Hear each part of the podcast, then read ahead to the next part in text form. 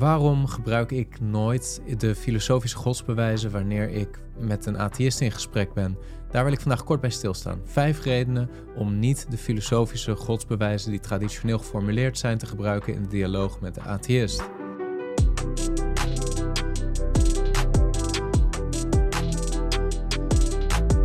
Er zijn door de geschiedenis heen verschillende filosofische godsbewijzen geformuleerd door bijvoorbeeld Thomas Aquinas, uh, het kosmologisch godsbewijs in verschillende variaties, het teleologisch godsbewijs, het ontologisch godsbewijs. En zo zijn er nog een aantal filosofische godsbewijzen geformuleerd. En er zijn vijf redenen, vijf grote redenen, waarom ik die filosofische godsbewijzen niet zou gebruiken in christelijke apologetiek in het gesprek met bijvoorbeeld atheïsten.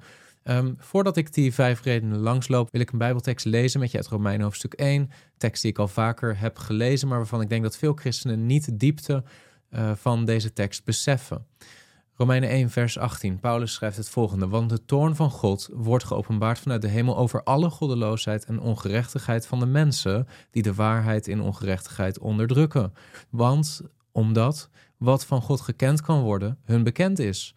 God zelf heeft het hun immers geopenbaard. Want de dingen van Hem die onzichtbaar zijn, worden sinds de schepping van de wereld uit Zijn werken gekend en doorzien, namelijk en Zijn eeuwige kracht en Zijn goddelijkheid, zodat zij niet te verontschuldigen zijn. Want zij hebben, hoewel zij God kennen, hem niet als God verheerlijkt of gedankt, maar zij zijn verdwaasd in hun overwegingen en hun onverstandig hart is verduisterd. Terwijl zij zich uitgaven voor wijzen, zijn zij dwaas geworden en hebben zij de heerlijkheid van de onvergankelijke God vervangen door een beeld dat lijkt op een vergankelijk mens, op vogels en op viervoetige en kruipende dieren. Het punt hier is dat Paulus duidelijk aangeeft dat dat wat van God gekend kan worden, hun bekend is. Hun is in dit geval de hele mensheid.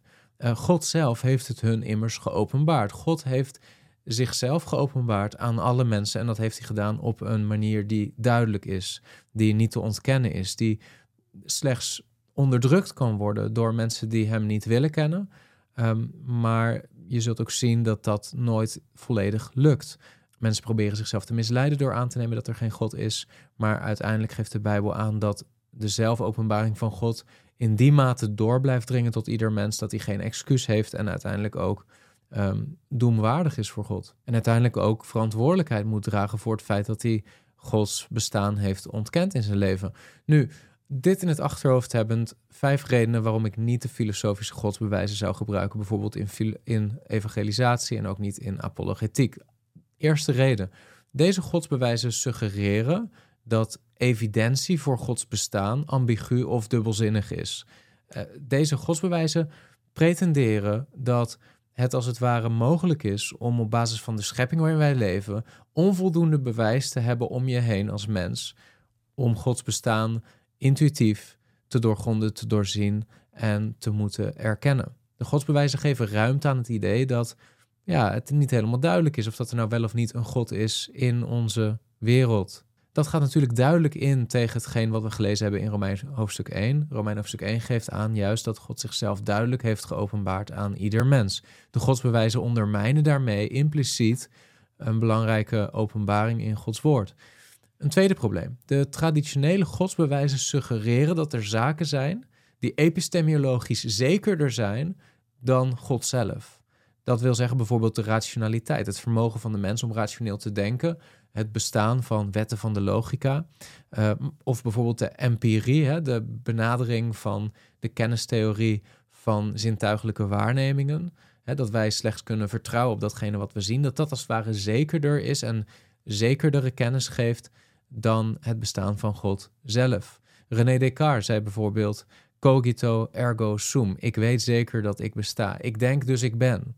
Hij, hij wist dat hij bestond, maar of dat God bestond, ja, dat, dat moest dan nog maar bewezen worden.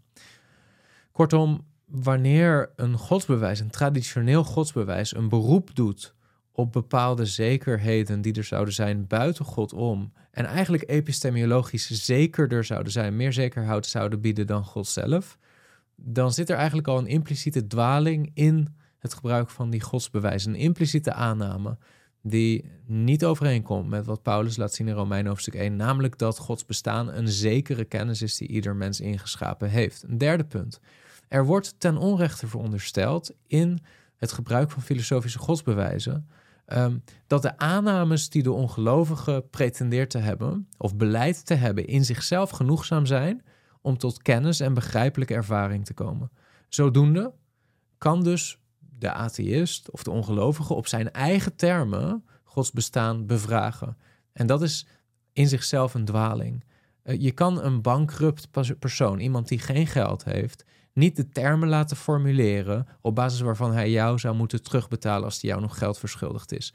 De ongelovige is epistemiologisch gezien bankrupt, is failliet, heeft epistemiologisch gezien geen goede grond om te komen tot zekere kennis. En door een filosofisch godsbewijs voor te houden aan iemand en te pretenderen dat, dat een goede basis zou zijn om vanuit zijn positie te gaan onderzoeken of dat God wel of niet bestaat, is eigenlijk al iets waarin de Bijbel niet meegaat. Op het moment dat we Gods bestaan ontkennen, dan zegt de Bijbel dat dat in zichzelf een dwaasheid is. De dwaas zegt in zijn hart: er is geen God.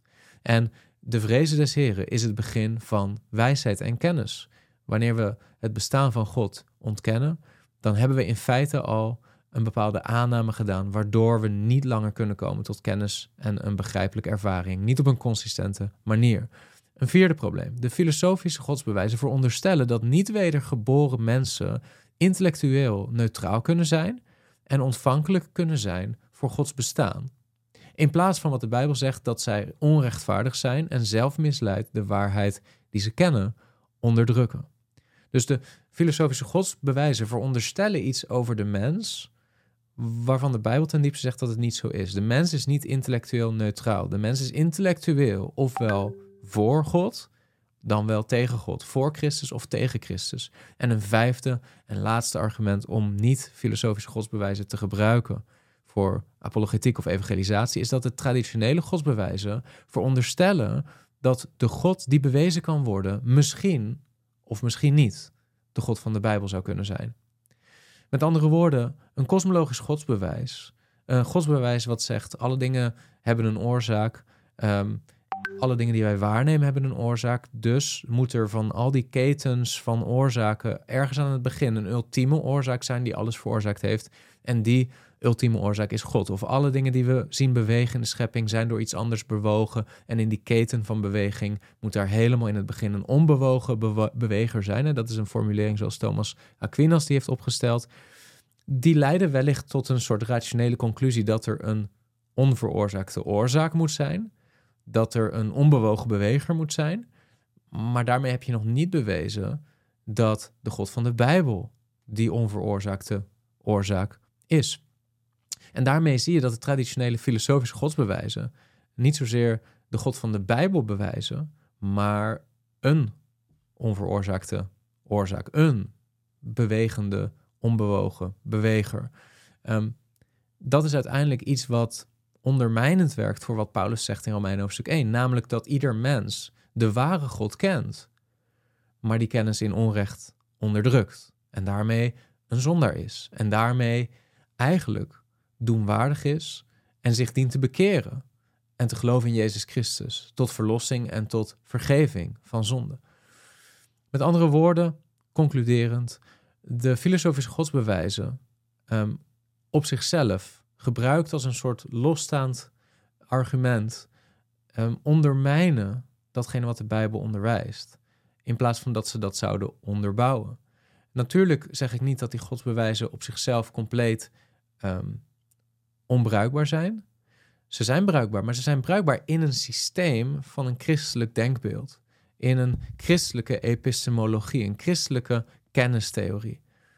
Maar wanneer je die godsbewijzen daarbuiten gebruikt, ja, dan zijn er deze vijf argumenten die eigenlijk ervoor zorgen dat die godsbewijzen ondermijnend werken voor datgene wat wij als christenen zouden moeten beleiden en prediken. Namelijk Gods ultieme epistemologisch gezag en het feit dat, zoals Paulus het ook zegt, en de Heilige Geest door Paulus, ieder mens ten diepste God kent. Niet door allerlei filosofische godsbewijzen, maar zoals een man zijn vrouw herkent wanneer die ochtends wakker wordt en naast zich kijkt en het gezicht van zijn vrouw herkent, zonder dat hij dat met allerlei rationele of empirische uh, bewijzen elke keer opnieuw hoeft te achterhalen. Nee, hij herkent zijn vrouw. De vrouw herkent haar man. De Bijbel laat zien in Romeinen hoofdstuk 1 dat ieder mens intuïtief op soortgelijke wijze God kent, omdat hij onderdeel is van Gods schepping en zijn onzichtbare kwaliteiten zichtbaar zijn door zijn schepping, door zijn werken voor ieder mens. Ik hoop dat je iets hebt aan deze korte video en ik hoop dat het je uitdaagt om nog eens goed na te denken over hoe wij apologetiek en evangelisatie zouden moeten benaderen op een manier die consistent is met wat de schrift onderwijst. God zegen. Was deze video nuttig voor jou? Druk dan op like en wil je vaker dit soort apologetische video's zien? Abonneer je dan op dit kanaal. Tot de volgende keer.